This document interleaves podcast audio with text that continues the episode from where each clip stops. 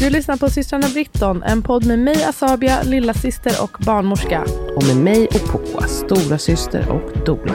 Det här är en podd om graviditet, födsel och föräldraskap och allt det stora och det lilla som kan rymmas i det. Vi blandar fakta med personliga upplevelser och hoppas kunna bidra med ökad kunskap, men kanske mest av allt ökad trygghet för dig som lyssnar. Ja, precis. Att du som lyssnar känner dig lite tryggare i att fatta egna beslut utifrån dina unika förutsättningar. Och förhoppningsvis blir det några skratt på vägen. Stort tack att du lyssnar. Nu kör vi veckans avsnitt.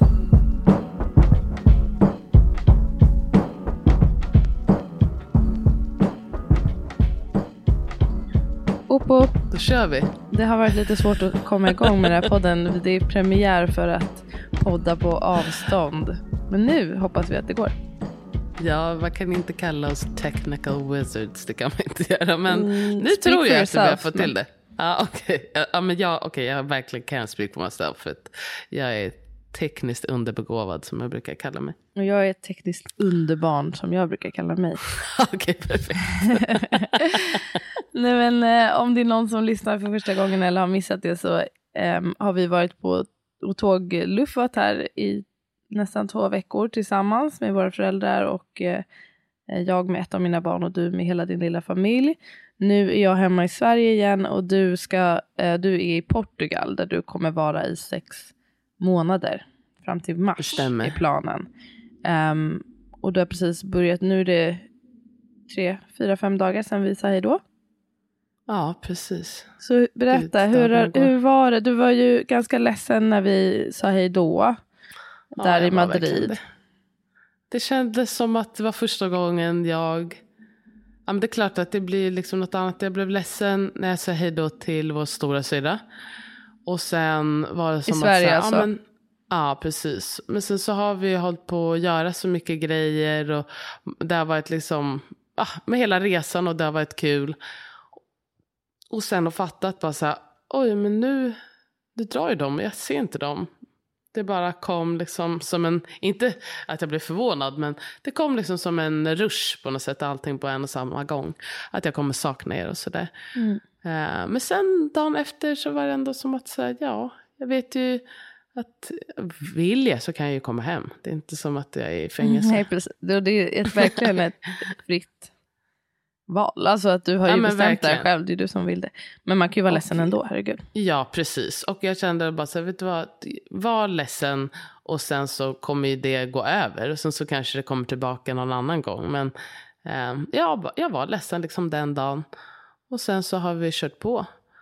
Ehm, och eh, jag tyckte igår var första dagen, det känns som att vi inte är på semester. För nu är vi i Lissabon fortfarande så det finns ju liksom så mycket att göra och, och sådär. Men eh, vi har tagit det liksom riktigt lugnt. Igår blev jag lite rastlös för första gången. Då var vi ändå ute och hittade på saker. Men då gick vi hem och la oss och vilade och det var också jätteskönt. Och sen gick vi ut och åt en skitgod middag. Oh, wow, vad var det? Ja, det var um, piri piri chicken och även eh, grillade sardiner.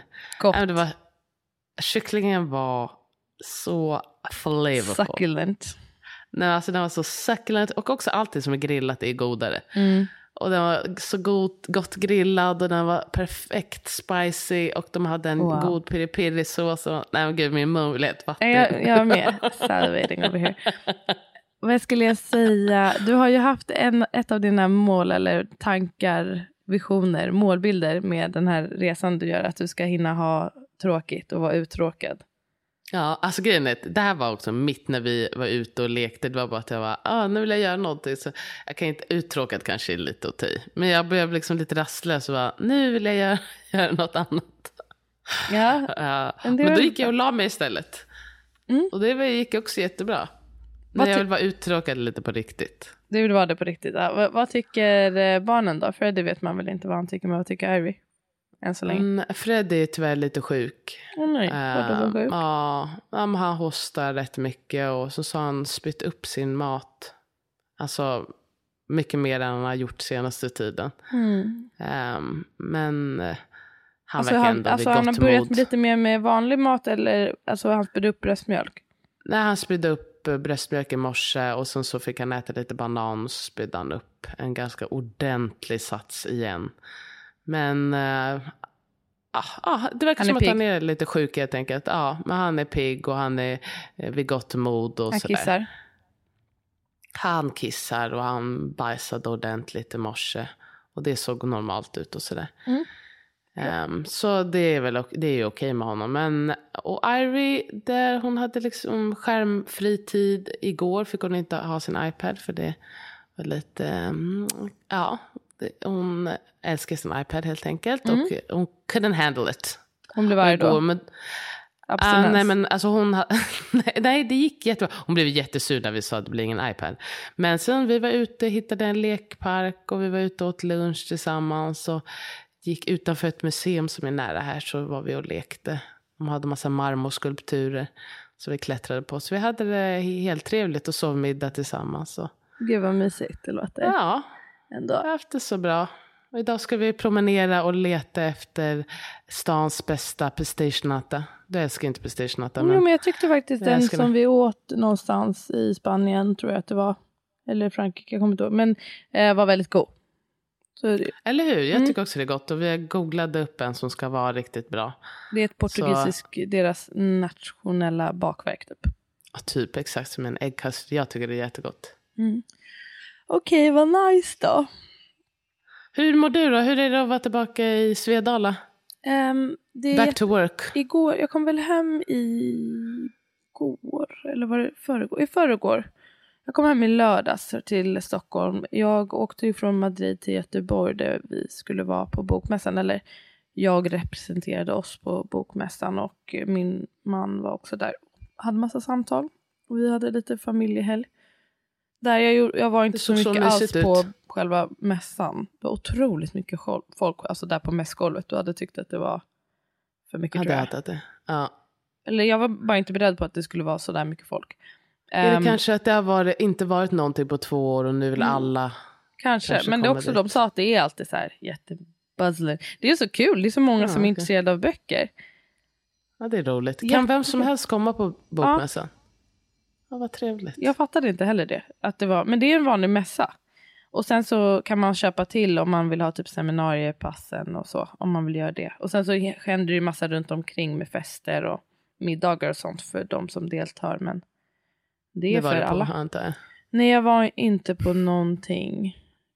Faktiskt. Jag hade inte heller så himla stor lust. Jag var också otroligt trött på min resväska, mina kläder. Jag kände mig så otroligt oh. sunkig. Det var inte bara därför jag inte gick, men jag, jag var där, jag var inställd på att vara där med barnen.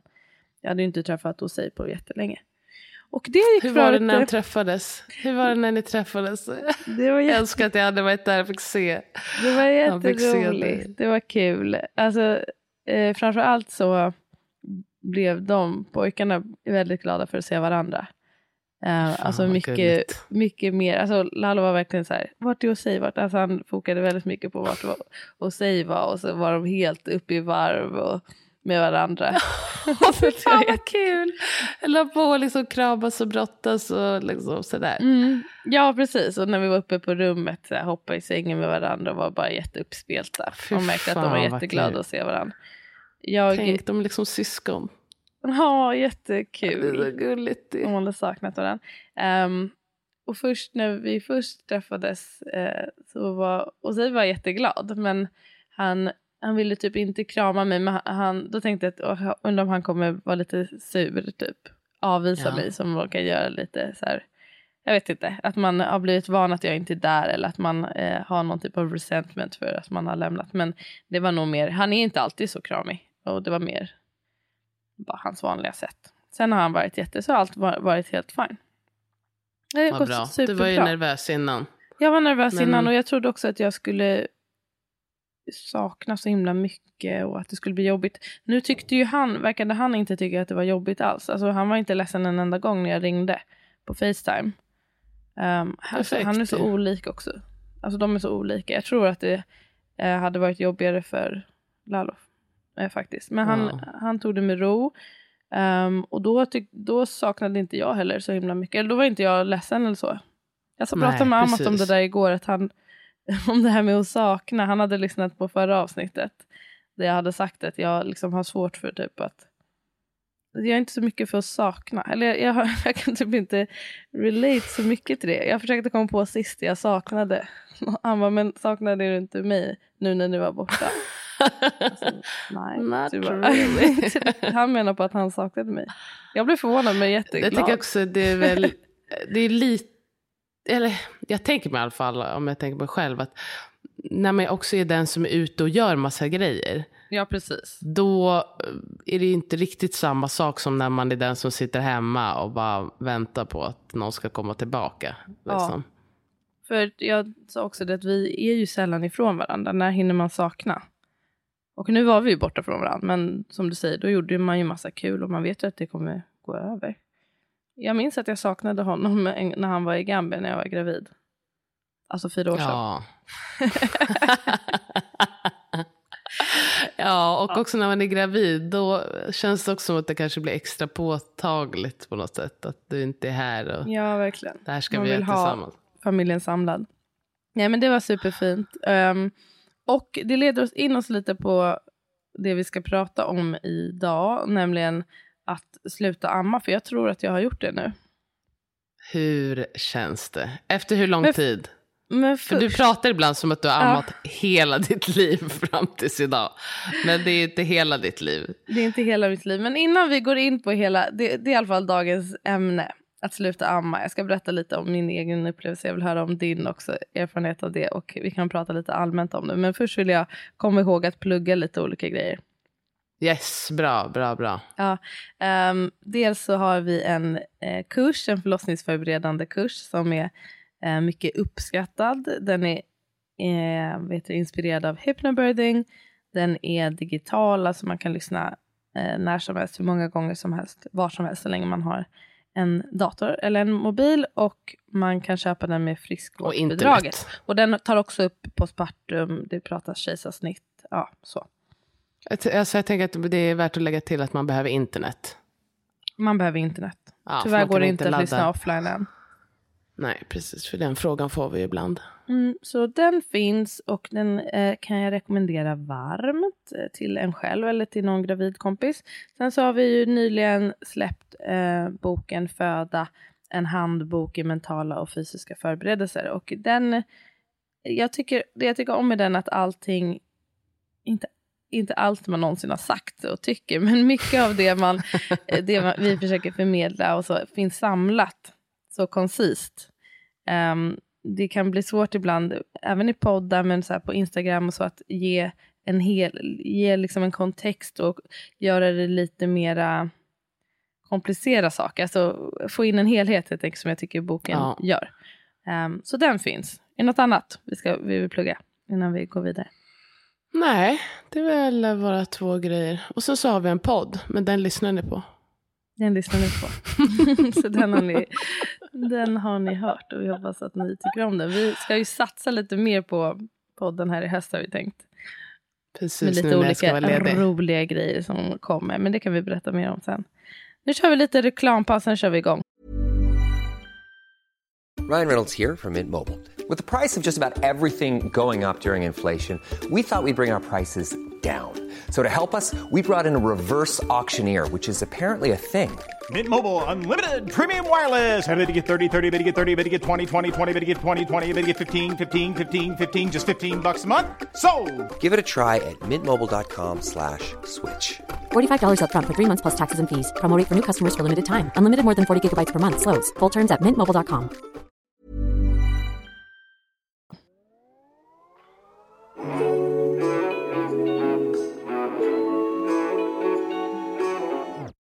Okej, men ja. Jag har slutat amma. Du säger att jag får det låta som att jag har ammat hela mitt liv. Att du bara, nu är första gången jag är amningsfri. Ja, men som, som förälder Jag menar jag. fattar. Alltså, jag tror att många som... ehm, eh, normen är väl att man oftast har ett uppehåll mellan barnen i alla fall. Eh, någon gång. Att man har slutat amma mellan sina barn. Det är därför. Ja. Ehm, och för mig känns det ju... Klart jag minns när jag inte ammade, men just att det har varit under hela mitt föräldraskap så är det ju en stor del av mitt eh, föräldraskap också. Um, att inte... Att ha gjort det. Och mm, amningen har betytt väldigt mycket för mig. Framförallt i, i början med mitt första barn så känner jag att det betydde... Det är lite svårt att ens komma ihåg hur det där kändes. Men som tur var har jag skrivit mycket om det. För då minns jag genom Jättebra. det. Att jag vet att det var väldigt viktigt för mig. att I det hade jag självförtroende. Och att då byggde det också ett självförtroende i mitt föräldraskap. Att det var så skönt att ha det där. Att det här funkade bra. Um, det här är en tröst som jag alltid kan ge. Att ha det här, så här S1 i rockarmen var väldigt värdefullt. Och att jag märkte att det här ger honom trygghet. Och att vi Mm. um, mådde så bra av Och det kontakt. båda två. Jag tänker också, eftersom du har pratat om det här med att man inte känner den här initiala eh, överväldigande kärleken. När man har den här kontakten som man får via amning. Jag tänker att det kan också göra att man liksom inte har samma behov av att känna den här överväldigande. Att man känner att vi hör ihop, jag känner det och liksom eh, det här har vi tillsammans. Ja, verkligen. Och den närhet, fysiska närhet som amningen kräver. Också att han också var ett väldigt liksom, eh, i stort behov av mycket närhet och jag bar honom mycket. Det tror jag verkligen ehm, hjälpte att eh, utveckla kärleken. Även fast det, det tog liksom lite tid och så, så kände jag ändå att, ja men som du säger, att vi hade det här bandet och vi var synkade och jag lärde känna honom mer och mer genom att mm, behöva helt enkelt vara nära honom och läsa hans Mm. signaler och så. Så Visst. under den tiden var det väldigt eh, viktigt för mig. Och när ehm, Jag hade väl någon tanke innan så att jag kommer kanske alltså, amma enligt riktlinjer. Typ att helamma sex månader och sen så slutar jag väl amma efter ett år. Men eh, Är det Eh. svenska riktlinjer? För att WHO säger väl fortfarande två år? ja, precis. Det, eh, det, är inte, det finns inget officiellt avslut att nu ska man sluta. Men man Nej. rekommenderar i alla fall att delamma minst ett år. Ja. Och sen så länge som man vill, brukar man säga. Men eh, det finns väl någon, jag upplever att det finns en typ av norm att man ammar ungefär Mm. ett år. Det är inte så vanligt i alla fall att se eh, äldre barn ammas eh, offentligt, i min upplevelse. Och då blir det också, det skickar någon typ av signal att det är det som är normen. Och man får ju ganska tidigt frågor på BVC om, om man har trappat ner och så, upplever jag. ja. Efter. Jag kommer inte ihåg det, men det kanske var för att jag trappade ner. Då. Mm, det är liksom kanske. ingenting jag kan komma ihåg. Jag minns i alla fall med, eh, då, med Lalo att det var snack om det. Ehm, det som var positivt med det som underlättade var ju att han var alltid, vägde alltid så mycket. Eh, så det var ingen oro att amningen sabbade det. Annars är det Nej. så lätt hänt att man, min upplevelse, att, och jag har hört från andra också, att just på BVC att det är lätt att skylla många grejer på amningen. Ja, Framför det är det, det. här med Många vikt. olika grejer. Ja, och sen så var det ju För någonting mycket, för lite. tänderna. Eh, och nu faktiskt med, eh, med min yngsta son, då försökte hon ju uppmuntra mig att sluta, eller trappa ner på amningen för att han då inte gick upp så himla mycket. Eh, han var inte underviktig eller någonting, men ehm, att, han inte, att han hade stagnerat lite grann.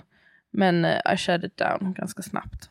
Och det var skönt Bra. att känna, att känna det självförtroendet. Jag kände inte att det är amningen som är, jag kommer inte ta bort liksom, den näringskällan för att han ska gå upp i vikt. Jag Så vet jävla hur mycket Han, konstigt. äter. han åt också liksom, mer än vad hans storebror gjorde. Eh, han började ju inte äta förrän han var typ i alla fall tio månader eller något sånt. Men han Ja, gick ju upp i vikt och så då fick jag inte de kommentarerna. Det är också så, så här, äh, som du säger, att ta bort då en näringskälla. Och mm, jag tror att det är inte som att du... Alltså, det, min uppfattning i alla fall varit att det är inte som att så här, amningen, det är hans liksom, stora mål om dagen. Det har varit liksom för närhet och kärlek och tröst och sådär. Och sen så har han ju ätit massa och jag kan inte tänka mig annat än att du har förklarat det. Så då blir det så konstigt att säga, ta bort den grejen. Alltså, för, för, vad- Jag vet alltså inte, ja, ja, ja, jag, låt honom inte dricka vatten heller då, eller? Alltså jag menar, det verkar så... jag tycker det Eller verkar... det är väl en enkel cop-out på något sätt. Att De så menar skylla på att det. de blir för mätta för att äta vanlig mat typ. Ja, men jag, jag kände också att jag kan ju se hur han mår. Jag ser att det går framåt. Han äter mer och mer. Han Mm. äter tillräckligt. Ehm, jag minns med, som sagt så började Lalo inte äta Alltså han, han var inte så sugen på att äta liksom fast vanlig föda. Ehm, men då sa Bettan till mig det här engelska uh, sayingen eh, food before one is just for fun. Det blev som mitt mantra. Att det är Jättebra. mer den här första tiden att dels att de ska ha lite extra järn då men också att ehm, lära sig att upptäcka mat och smaksensationer och texturer. Att jag tänkte, såg det mer så än att han måste få sitt huvud mm, huvudnäringskällan är fortfarande amningen och att det får ta sin tid. Att det är inte så här, det är klart att man inte kan sätta klockan på varje barn att nu, sex månader, då kommer du vara intresserad av att börja äta eh, mellis och lunch och frukost. Alltså det Nej, funkar men inte för vi är så olika. Nej. Alla är olika, även barn. Ja. Men i alla fall, jag kan eh, med den, eh, sen så ammade jag honom då fortsatt under graviditeten och eh, det var första gången jag upplevde att det gjorde alltså smärtsam amning. Det var väldigt humbling. Um, om, jag tänkte bara om det känns så här för vissa att amma, alltså jag fattar verkligen att man inte pallar. Det var, Ja. eh, det gjorde jävligt ont alltså. När han först sög tag där. Uh. Mm, mm, det tror jag faktiskt att jag vet vad du menar. Ja, men tänk, tänk om du ammade där när du var gravid med Ivory i början. Det, det går ju inte. Eller det går ju men. Åh, gud. Ehm, men jag kände att jag inte ville. Alltså det, det kändes fortfarande väldigt viktigt för oss. Men sen så blev jag faktiskt påverkad tror jag mer eller mindre indirekt av yttre kommentarer och sådär om att amma att jag ammade honom så länge, att han var så stor. Och han såg också lite större ut än vad han var. Och det är lite av ett skäl till att jag slutade amma honom när jag gjorde när han var typ två och ett halvt. Och det var ganska sorgligt för oss båda. Men då var Osei född redan väl? Ja, vi, jag, ammade Eller- båda, jag ammade båda i kanske fem månader eller något. Ja. Ehm, eller fem, sex månader, jag kommer inte ihåg. Och det var också jätte, det är jag så glad för att jag fick göra det. Um, tandem, amma dem. Jag tror att det, det hjälpte mycket för deras, eh, för Lallos omställning till att få ett syskon. Och de verkade tycka det var så mysigt. Det var ju, jag minns när de ammade och höll hand med varandra samtidigt. Det kändes ju, jag kände mig. Ja, det var jättefint. Mäktig känsla att kunna ge dem det och ha den så här symbiosen, att man är ett. Men eh, Otroligt ju. den, det amningsavslutet var i alla fall lite mycket mer förknippat med sorg. Alltså jag minns att när jag nekade honom där, när jag hade bestämt mig att jag skulle sluta. ehm, jag bestämde mig dock flera gånger för jag var inte helt konsekvent. Men då att jag grät och han grät och att jag tyckte att det var väldigt sorgligt. Fy fan. Och att jag också kände att åh, jag vet inte vem jag gör det här för riktigt. Varför ska jag sluta? Men det gick. Men den här Och hur gången. gjorde du då? Mm. Hur gjorde du då? Bara, alltså sen när ni skulle sluta? Ja, alltså med båda dem så har jag äh, först slutat på natten. Jag vet att många tycker att den är svår och den kan ju verkligen vara svår. Framför allt för att dels att den nattamningen kan vara så viktig för barnet och eh, det kan vara väldigt svårt för barnet att släppa det kanske så- så barnet blir jätteledsen. Eh, och det kan ju vara svårt att hantera. Men också att eh, på natten att man är liksom trött och kanske inte orkar ta den Nej. fighten. Fight. Men Ja, jag, framför allt med Lalo, men även den här gången lite grann, så har jag fått någon typ av amningsaversionskänsla på natten. Alltså amningsaversion, att man får nästan en obehagskänsla under amningens gång och kan, man kan få så här klåda och, och bli väldigt irriterad eller arg. Ehm, Ja, att det kan vara äcklad. både, alltså både en fysisk och en psykisk liksom, känsla. Till Mm. skillnad från det här DMER som eh, dysphoric milk ejection reflex som är, eh, det är ju mer eh, alltså att man vet att hjärnan, ehm, att det är någonting som händer i hjärnan då när mjölken drivs ut som gör att man blir nästan får depressionsliknande känslor och stark ångest i samband med att mjölken släpper ifrån. Ehm, men den är liksom lite kortvarig så. Eh, och är, är kopplad till att mjölken släpper så är amningsaversion mer ehm, en känsla som är under hela amningen så slutar det när barnet för, liksom flytta på sig. Det kan också vara när barnet, om man bara tar på brösten. Men i alla fall, så det har, då har jag känt att jag måste sluta. Och de har också tyckt att det var jobbigt, eh, framförallt första gången. Första gången så ville jag inte heller släppa, jag ville inte att liksom, Amat skulle ta natten, för vi hade aldrig gjort den grejen. Jag kände mig inte heller bekväm med det, så jag tog bara att jag, han får vara ledsen helt enkelt. Och jag bara eh, försökte sitta i att det är inte farligt för honom. Det är okej att få honom att känna, sorg för den här, eh, någonting han förlorar som han tycker om. Och um, jag måste göra det här för att orka helt enkelt. Och då kändes inte gråten heller som någonting farligt. Att det är okej att du är ledsen och jag finns där och är här Mm. och upprep. Och jag tänkte att det fanns ett värde i att vara konsekvent för att inte förvirra. Och för att jag kände också att jag, jag pallar inte amma när jag känner de här väldigt negativa känslorna. Det är inte bra för någon av oss. Så då har jag slutat natten, nattetid ungefär vid, vid 15 månader, ett år.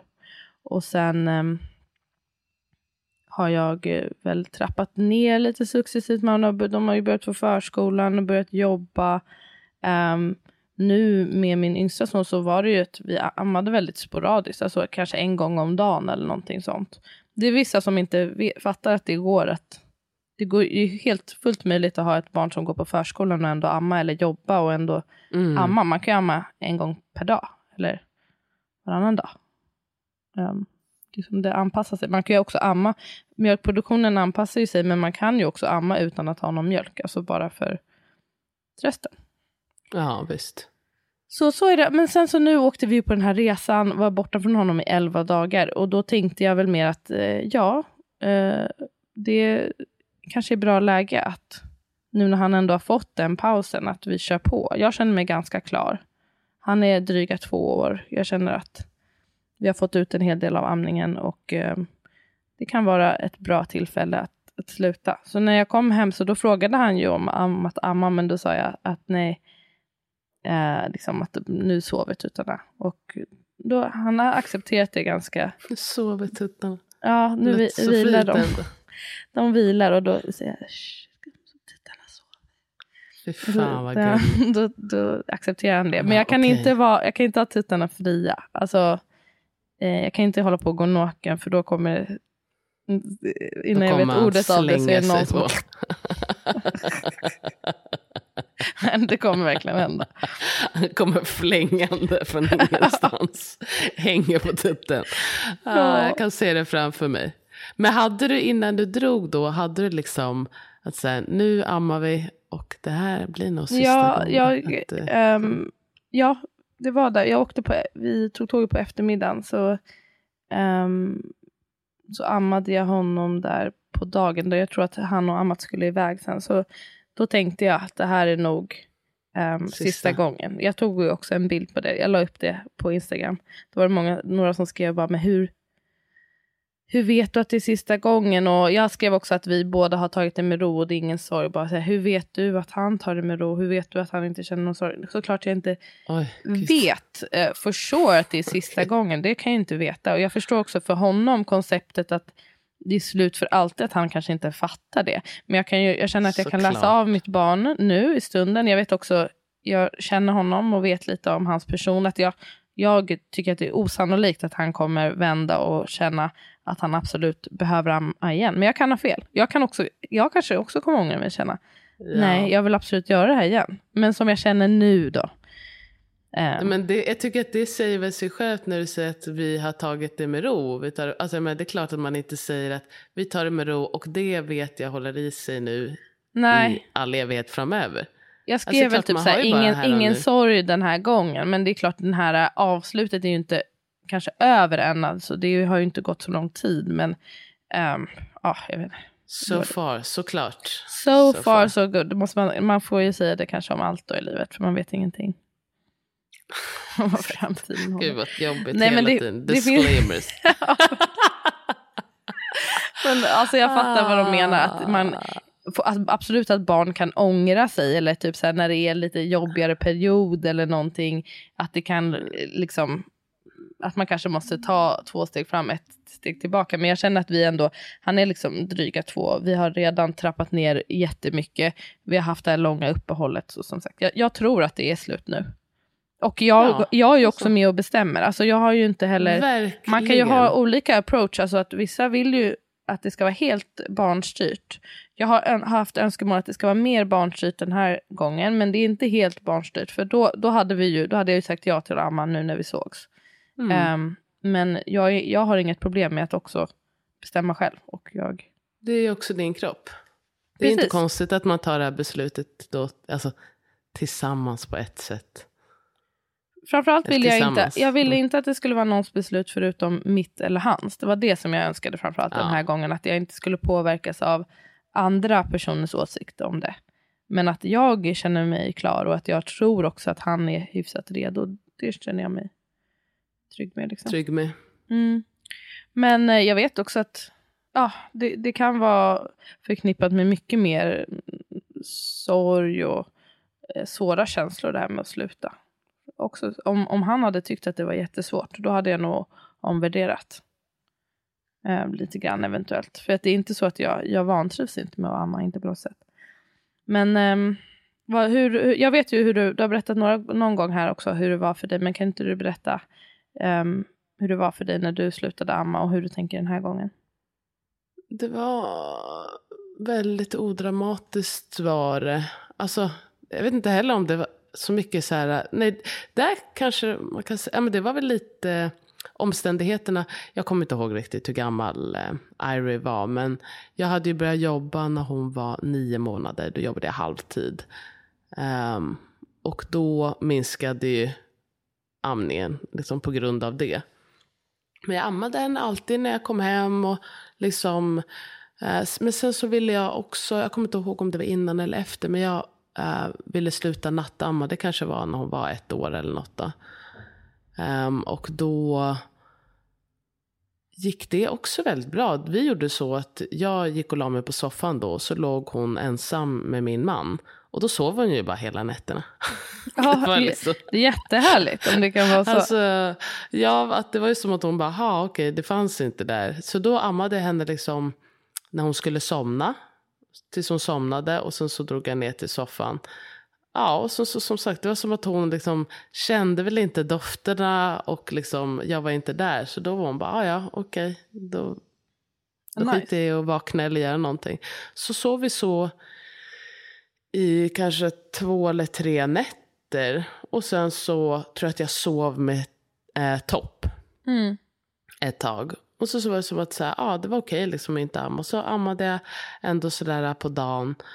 Och sen så var det en dag, det kommer jag ihåg väldigt sådär vividly. Att jag kom hem från jobbet och sen kom hon fram till mig och ammade och så låg hon där i två timmar. Liksom vaken, sov lite men hon ville amma. Två eller tre timmar. Alltså hon, det var väldigt länge i alla fall. Det var som att jag, i vanliga fall, tror jag kanske att man bara, "Ah, ja men nu måste jag gå. Men jag kände väl på något sätt att så här, ja men nu får hon amma hur länge hon vill. Och sen bad hon liksom aldrig om amma efter det.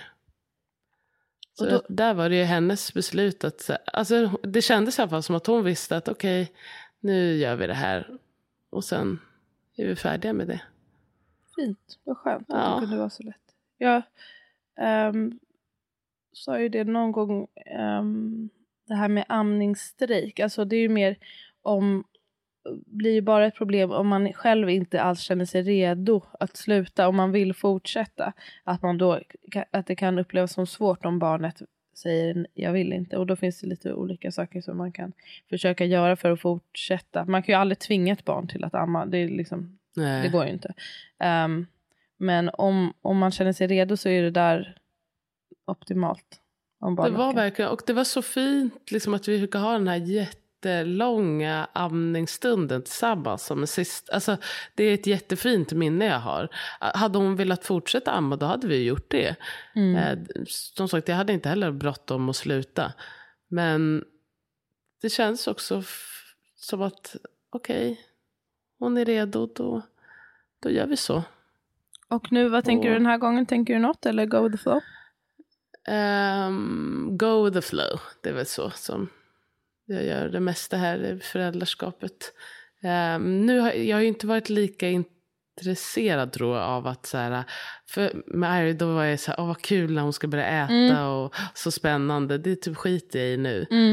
Eh, men jag... Det påverkar ju såklart. Alltså, när de äter mer då kommer det ju eh, också trappa ner amningen såklart. Eller Precis. Mm. Eh, men inte för att jag, jag vill amma så mycket mer. Men att ah, jag tycker det är mysigt att amma. Och det är ju inget, alltså, han har fått Han är en liten slicka plutt. på lite mat. Han är, exakt, han är ju sex månader. Eh, men förra gången var det som att så här, på fyra månaders dagen bara, Ja, måste man "Nu ge." ska smaka någonting. Men igår så tipsade jag om att Solid Starts hade rea på sina kurser. Så då gick jag faktiskt in och köpte eh, deras sån här eh, ja, men paket där man får liksom alla videos och sådär. Ja, vad kul. Så alltså verkligen stort lite grann. shoutout. Får jag säga stort shoutout till Solid Starts. Man kan tro att jag Verkligen. är betald av dem, men det är jag faktiskt inte. Men jag har fin kontakt med hon Jenny som har startat det och det är så kul att se hur bra det har gått. När jag började följa där, det var, de hade typ 800 följare, nu har de två miljoner. Det är helt otroligt. Nej, men det är jättekul. Och att de Det har ju jättemycket som är gratis. Ja, verkligen. liksom, så det hade jag kunnat. Men också när jag var inne och läste och så här. Och jag donerade då. För jag tänker också för att saker ska kunna fortsätta vara gratis så måste ju också någon betala. Så Mm. Ja. är det ju. Eh, kan du så berätta vad att- Starts är för de som inte vet? Alltså det är, de har en app vet jag, den tror jag är gratis. De har också ett Instagram-konto eh, och alla de här kurserna då, där man får lära sig om hur man introducerar mat till barn och eh, lite liksom kring ja, men mat och barn när de är små. Ja, för de, det, hela, grejen, hela grejen är ju att, det, som namnet antyder, solid starts, att man börjar med vanlig mat. Alltså samma mat som vi äter så ger man barnet. Men då har de en jättestor databas så man kan skriva in typ vad som helst. Skriv in så här röd lök eller typ, ja vad kan det vara? Så här, Sparris. Squash, sparris eller någon, också väldigt, eh, från olika Brisket. kulturer. Vad sa du? De, de hon pratar ganska mycket om brisket, alltså kött. Brisket, ja men massa olika Ja. grejer. Så då, då får man se, så här, är det här safe eh, för barnet? Eh, hur gör man det så säkert som möjligt för den att äta? Hur ska man skära upp? Vad har det för näringsinnehåll? Hur mycket av det är rimligt att äta? Och så vidare. Och lite så här förslag på recept och allt det där är gratis. Så jag tycker det Och också, jag tänker också ett, ett tillägg är också att det är olika beroende på hur gammalt barnet är eller Ja, liksom precis. vart den är i sin utveckling. Så att om du har en sex månaders så kan de ju visa att så här, skär den så här. Har du en tio månaders så visar de en annan typ. Och att det inte bara stirra sig blind på att det här med näringsinnehåll eller eh, så här, ditt barn är sex månader. Utan en sex, som vi har sagt nu, att en sex månaders kan ju vara eh, liksom här i sin fysiska utveckling, men också här i sin fysiska utveckling. Eller sitt intresse av mat. Så man måste anpassa det efter sitt barn och berättar hur man ska tänka så att man inte jämför med någon annan utan vad har jag för barn framför mig? Jag har ju, min eh, lilla nu är ju väldigt intresserad av mat. Han gillar att plocka saker men han sitter inte då bra. Nej. Ehm, så när han sitter bra, då kommer jag också um, liksom steppa upp lite mera fokus kring maten. För att nu försökte han, och han kan ju sitta med stöd, vilket är det viktigaste. Um, alltså när det kommer till sittningen, kan de inte sitta alls, då verkar det vara ganska osäkert med maten. Men nu kan han sitta med lite stöd, men han kan sitta helt själv, då kommer det vara ännu lättare. Och liksom att lära sig lite om sådana här äh, grejer också, för jag tror Och- att det är många som är jätterädda för att börja med mat, för man är så rädd att de ska sätta i halsen. Precis, men man de berättar tänker också typ om att- puré. Ja, precis så att puré är då att det är det säkraste sättet. Men det behöver det finns ett värde i att också att de lär sig om olika texturer och lär sig rätt munmotorik och sådär. Och så skriver, har de ett bra avsnitt om det här med kvällningar som många tycker är väldigt obehagligt och ofta förvirras med att de sätter i halsen. Ja. Så Precis. ett eh, hett tips. Jag tycker dock att det har varit, jag gillade verkligen mm, just att ha den här synen att maten är någonting som ska tas in med alla sinnen. Att det handlar inte heller Mm. så mycket om hur mycket han får i sig så här i början utan att han ska lära sig att eh, acceptera olika texturer och olika smaker, känna doft och eh, använda händer och sådär. Och då och måste man ju verkligen... utseendet. Utseende. Utseendet på maten, liksom. Att det är Och- viktigt också. Det gäller ju att KBT bort lite eh, om man ogillar kladd. För det blir ju kladdigt om man ska få uppleva det med alla sinnen. Men Jag tyckte det var jätteroligt. Jag, fick, jag, gjorde, jag gjorde väldigt olika med båda barnen och jag har ju en, eh, min äldsta son är petig, väldigt petig med maten och inte all, vill inte alls prova något nytt och så. Så då hade jag också den motivationen att jag gärna ville försöka göra allt jag kan för att öka chanserna att han ska våga lite mer med mitt andra barn. Och jag vet inte om det är det som gjorde det, men han är ju mer öppen för mat. Adventurous. Mm, även fast han inte, han är också lite petig, men inte alls på samma nivå. Nej, major plug. Major plug, verkligen.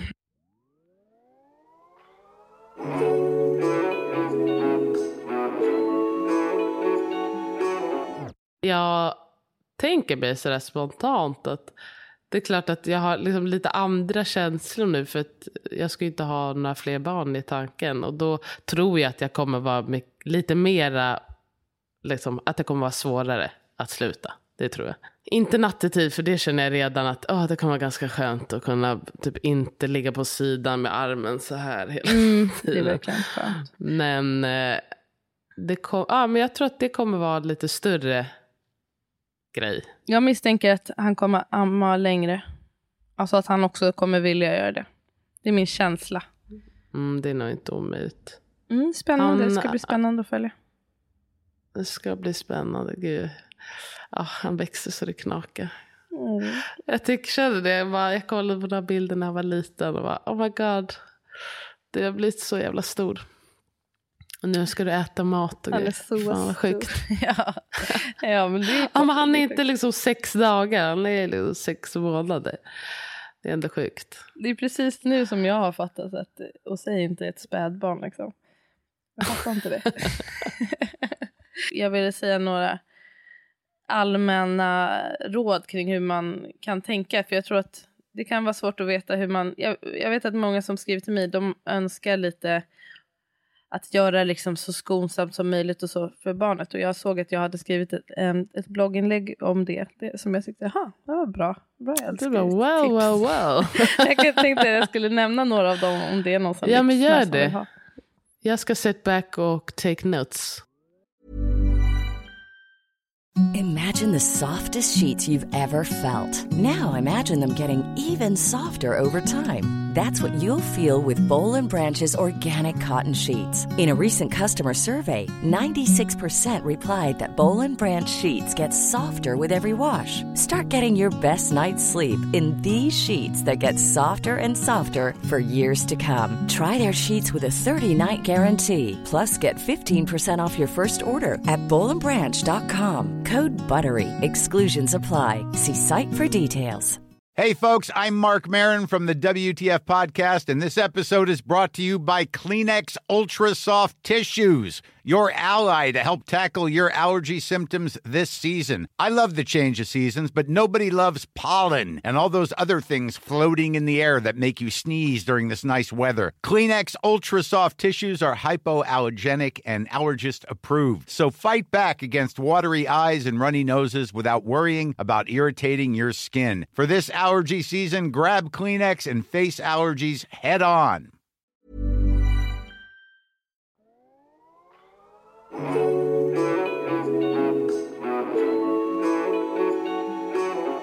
Ja men så man kan göra lite uh, olika approaches. Antingen är det mer um, mother-led eller mer uh, barnlett. Och det kan ju vara olika mm, saker som styr det. Antingen man kanske ska börja med någon medicin som gör att man måste sluta amma ganska tvärt. Och då är det inte tal om att det ska vara barnet som styr och då kan det bli ett mer abrupt avslut. Och det går ju också men det kanske um, kan vara mer kämpigt både fysiskt och psykiskt. För det är ju också... För båda uh, två.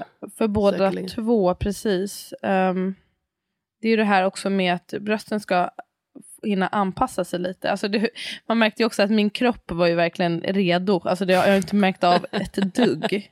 Dina svullna tuttar. jag måste se om jag ens har mjölk. Ja, det är ändå mjölk här, okej. Jag såg det, såg ja. droppen. ja, men eh, det är inte som att jag går runt med så här avspända pattar direkt, utan tvärtom. De var redo. Men eh, man, för det första, alltså man behöver inte sluta amma för att man ska börja jobba eller barnet ska börja förskola, som vissa Nej. tänker. Man behöver inte heller eh, nödvändigtvis, det beror lite på hur gammal barnet är och hur mycket mjölkproduktion man vill upprätthålla. Generellt så kan man låta kroppen liksom anpassa sig efter det nya mönstret. Så det man antingen kan göra, man kan ju invänta att barnet självmant vill avsluta. Men det kan ju ta sin lilla tid. Det är ganska ovanligt att barnen vill sluta innan ett år eller ett och ett halvt år helt självmant, även fast det sker. Och att det, inte, det är inte så ovanligt däremot att det blir en liten sån här mm, amningspaus, eller det man brukar säga som amningsstrejk, kanske vid åtta, nio månader. Mellan eh, åtta månader och ett år. Men att det, om man sen fortsätter, att det kan gå att fortsätta. Hur brukar det te sig om man säger? Att det är, eh, istället för att det trappas ner så är det ganska abrupt. Det är en, en typisk sån, ehm, Alltså bara att de inte ber om att få amma? ja från en dag till en annan typ. Är lite Ja. mer typiskt än att eh, när det är ett vanligt avslut som är eh, forever, att det brukar mer trappas ner än att man slutar tvärt. Men det, som med allting så är det ju olika. Men man kan invänta det. Jag försöker komma på nu, det finns någon studie på um, om, om det är helt barnstyrt. Jag tror att de flesta då slutar, är det fyra år? Tre eller fyra år har man sett. Om man, ja, det är något o- annat. om man alltså eh, ger, har fri amning, inte säger nej eller så, och har fri amning helt, att de får välja, då slutar de festa alltså ganska högt upp, det som anses vara en ganska hög ålder för att amma i våran kultur. Så Mm. ehm, det är inget konstigt liksom, om, man vill, om man ammar upp i den åldern. Sen så finns det någonting som heter, som är också ganska milt sett, ehm, men är lite, kanske lite mer, man försöker inte aktivt upprätthålla amningen. Och det är lite så här som du gjorde omedvetet och som många också gör. Och på engelska brukar man säga don't offer, don't refuse. Alltså man erbjuder inte bröstet, men man nekar inte heller. Nej. så man, om barnet är ledsen till exempel, då er, erbjuder man det inte självmant, men om barnet vill så um, ger man. Och det här brukar i sin tur leda successivt till att man trappar ner och trappar ner. Men det kan ju ta ganska lång tid. Mm. Det kommer jag nog köra på. Don't offer, don't refuse. Ja, jag, typ, jag tänkte typ att jag skulle Don't ask, köra don't det. tell. Ja, precis. Jag, jag hade nog tänkt att jag skulle göra det, men nu har jag ju refused faktiskt. Ehm, för att jag tycker också att det kan finnas ett värde i att vara konsekvent om man sen har bestämt sig. Men Ja, precis. samtidigt, det beror ju lite det- på. Man kan också vara, gud, man kan också vara flexibel. Man får också tänka på att, beroende också på barnets ålder, alltså det som är eh, praktiskt med att amma ganska länge är att man har barn som man faktiskt kan prata med och resonera lite med. Um, om man har barn som är ganska liksom, ordentligt eh, mycket äldre, eller ordentligt mycket äldre, men som min äldsta barn som var nästan tre, alltså där kan man ju till och med göra ett så här, jag vet att folk pratar om att göra någon liten ceremoni, att man gör som ett avslut och säger hej då, ha lite kalas och så, att nu är amningen Fan vad slut. gulligt. Det är Kalas. jättefint. Det är jättebra. Jag tänker också att det här med att liksom säga nej, att man måste ju också själv få känna att ibland vill jag inte. Och Nej. det måste vara okej att säga bara, nej, nu blir det ingen andning, jag har ingen lust. Och Verkligen. att det betyder inte att man skadar sitt barn. Alltså, det är okej att säga vad man också själv visa vill. på ett exempel att det här är också min, eller det här är min kropp och att jag, jag vill inte. Och det måste man också Precis. få acceptera. Och respektera. Mm. 100%. Ett annat sätt som man kan, ett approach man kan ha ehm, som är lite mer aktivt är att man tar bort ett amningstillfälle i taget.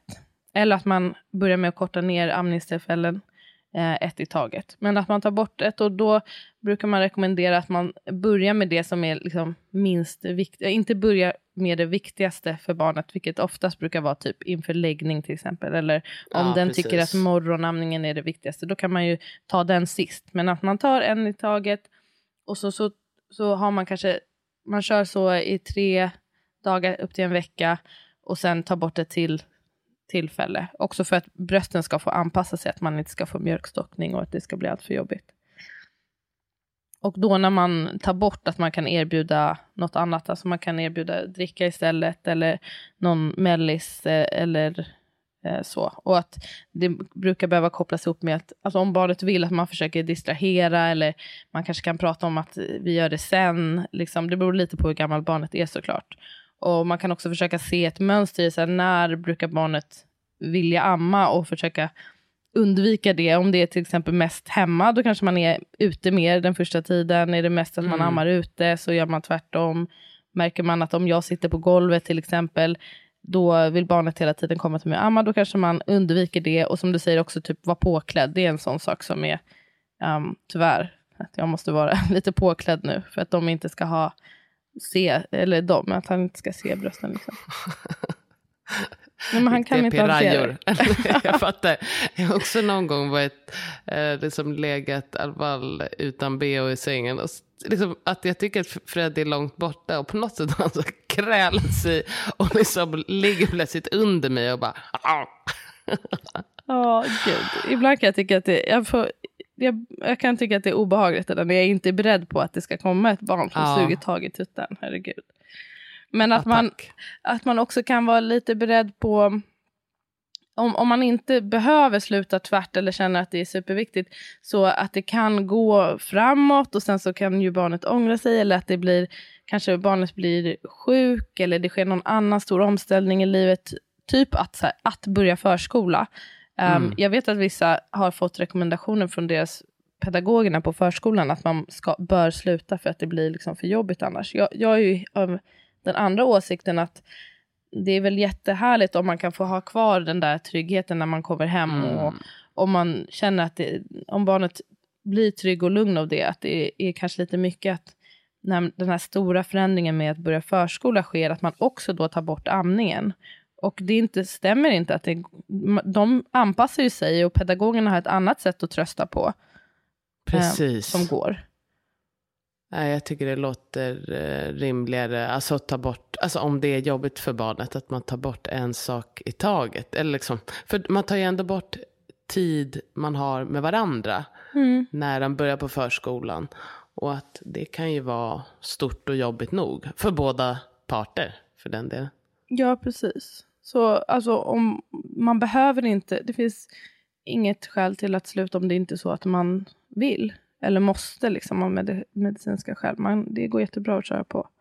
Ehm, och som sagt, man kanske kan, jag har ju ändå inte följt det rådet att här, ta bort den viktigaste sist. För att jag har som sagt tagit bort nattamningen som väl har varit den som har betytt mycket, i alla fall med mitt första barn. Men jag pallade ändå inte och det gick ju också det gick också bra. Det som kan vara bra att veta som många inte vet är ehm, kring nattamningen att då är det här hormonet prolaktin som högst. Så om man vill få upp sin mjölkproduktion så är det nattamningen man borde satsa på. Och att ta bort nattamningen påverkar mjölkproduktionen mer än att ta bort dagamningen. Det kan vara bra att ha i åtanke Bra. om det här är något som är viktigt för en. För mig har det bara inte känt viktigt. Ja, det var väl det som jag hade kanske. Det är jättebra tips. Mm. Jo, om det är lite äldre barn som sagt, man kan ju ha köra lite ceremoni, man kan också typ kanske ha ett datum där man säger att nu är det slut och att man kan prata på ett annat sätt. Man kan också använda sig av böcker. Eh, vi har haft den här boken Dags att, eh, Dags att sluta amma, säger mamma. Den är lite sorglig. Eller den är lite, vissa tycker att den får barnet att vilja typ amma mer, men jag tycker att den, är, den handlar om helt enkelt att eh, sluta amma på ett värderande, eh, inte värderande sätt. Då. Ehm, det kan vara ett bra sätt att få barnet att förstå att det här är någonting som kommer hända. Fint. Mm. Kul att någon har skrivit en sån bok. Mm, den är jättefin.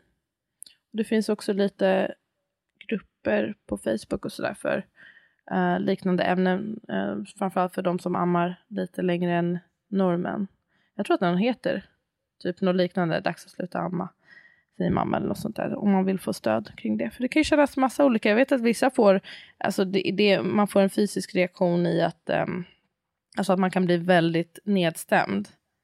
När man Eh, slutar. Ja, alltså att det blir, Ja. det är väl en, ett hormonellt skifte som sker. Ehm, och att det, man kan känna stor sorg liksom och depressionsliknande symptom. Kan vara bra att känna till.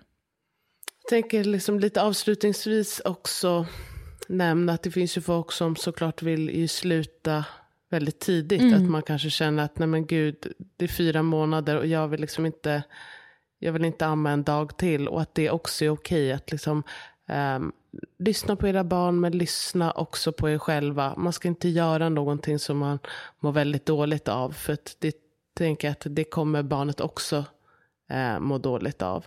Så känner man verkligen att man inte vill, då liksom är man inte en sämre förälder för det. Och Nej. precis som att vill du amma tills barnet är fyra år istället så är du inte en sämre förälder för det. Jämför det inte utan gör eran grej. Precis, det är väl kontentan att eh, så länge det är ert val, alltså ditt och barnets, eh, någon av deras val eller ert val tillsammans, så är det rätt helt enkelt att man, om möjligt försöka ehm, inte göra som jag och bry sig allt för mycket om vad andra tycker och tänker, utan gör eran grej. Det är möjligt att vara bra förälder på massa olika sätt. Men du måste liksom inte, alltså man måste inte sluta för någon annans skull. Men om man inte vill amma alls eller man vill sluta tidigt så ehm, är det inte katastrof någonstans. Nej. Det finns precis. massa andra sätt att visa kärlek och närhet och ge näring på. Och jag, alltså det säger väl sig själv att vill man inte amma överhuvudtaget så behöver man inte göra det heller. Nej. Såklart, om man tycker det känns som katastrof Mm. så gör inte det. Ja, alla är olika, disclaimers, disclaimers. ja, men det är så. Alla är verkligen olika. Så är det. Vad fint det var att få höra ändå att eh, det blev ehm, fint och bra den här gången. Ja, Lite revansch. får väl se om det verkligen är över. Kanske amma. Ja, kanske amma ikväll. Jag, jag är också, ganska, jag är också ganska envis. Eh, nej, det kommer jag absolut inte göra. han vet väl inte hur man gör. Det är jättekul Jo, men han, nu. vet du, han gjorde, alltså han vet nog inte hur man gör, men han också någon gång nu när jag hade brösten fria så gjorde han så här på bröstet, alltså på min ah, okej. Och jag får, alltså då får jag riktigt så här, alltså även fast det var bara en sekund, det känner jag mig lite violated. Alltså jag tycker inte att det är okej att han gör så. Han Gör vet inte också så, att jag inte nej. gillar det. Och ehm, jag får snabbt den här, så här amningsaversioniga känslan som jag har haft lite på natten. Att det är bara så här, ugh. Ja, Ja, okej. det- Ja, okej, det kommer inte... det inte- Okej, jag, så jag kommer inte försökte börja- en gång. Men hon kunde... Alltså, Mm. hon, hon fattade ingenting. Alltså, det var som att hon aldrig hade använt Jag skrattade jättemycket. Hur gammal var hon då? Alltså, det var när Freddy kom. ah. Okej, så det hade gått ganska Alltså, lång tid. Nej, ja, precis. Hon var ju liksom fem bast. Men hon... Alltså, jag vet inte ens vad hon gjorde. Ja, hon, hon förstod ingenting i alla fall. Gud vad roligt. För Ja. jag gjorde faktiskt, alltså när jag slutade där med Lalo, då var jag väl inte heller så här blind med att det, det måste vara slut. Så var det någon gång när han var jätte, jätteledsen och då erbjöd jag att han skulle amma och då blev han så här lugn bara av att ehm, att jag erbjöd Ja, det- det. Och så, men då skulle han försöka eh, och var också bara så här, helt konst, jättekonstig teknik. Han hade helt tappat tekniken. Wow, vi har verkligen ammat i 5000 timmar liksom. And you don't still got it. You don't still got it. Okej, men Ah, jo, kul. en grej jag vill säga när vi slutar, att vi kommer ha ett avsnitt igen med positiva förlossningsberättelser har vi tänkt, för det är flera som har önskat det. Ja, Ehm, jag tänker att ni kan antingen skicka DM till oss med era positiva förlossningsberättelser. Eh, och en positiv förlossningsberättelse, det är helt enkelt en som har känts positiv för er. Sen kan det ju se ut Exakt. på massa olika sätt. Ehm, eller så mejla mig på asabiabrittan.gmail.com så kan jag dela med på. perfekt. Ehm, ja. Vad kul det ska bli. Och gärna liksom ganska, tänk att vi ska läsa upp det, så ganska eh, relativt kort och koncist och ko- läs igenom det när jag skrivit så att det Folk går lätt att novell. läsa. Okej hörni, tack så mycket att ni lyssnade ännu en vecka. Hoppas att det går att sända. Ja, jag tror att du har klarat det, men det- får jag inte säga för dig. Okej, jag tar tillbaka det. Mm, vi får se. Puss. Puss och kram guys.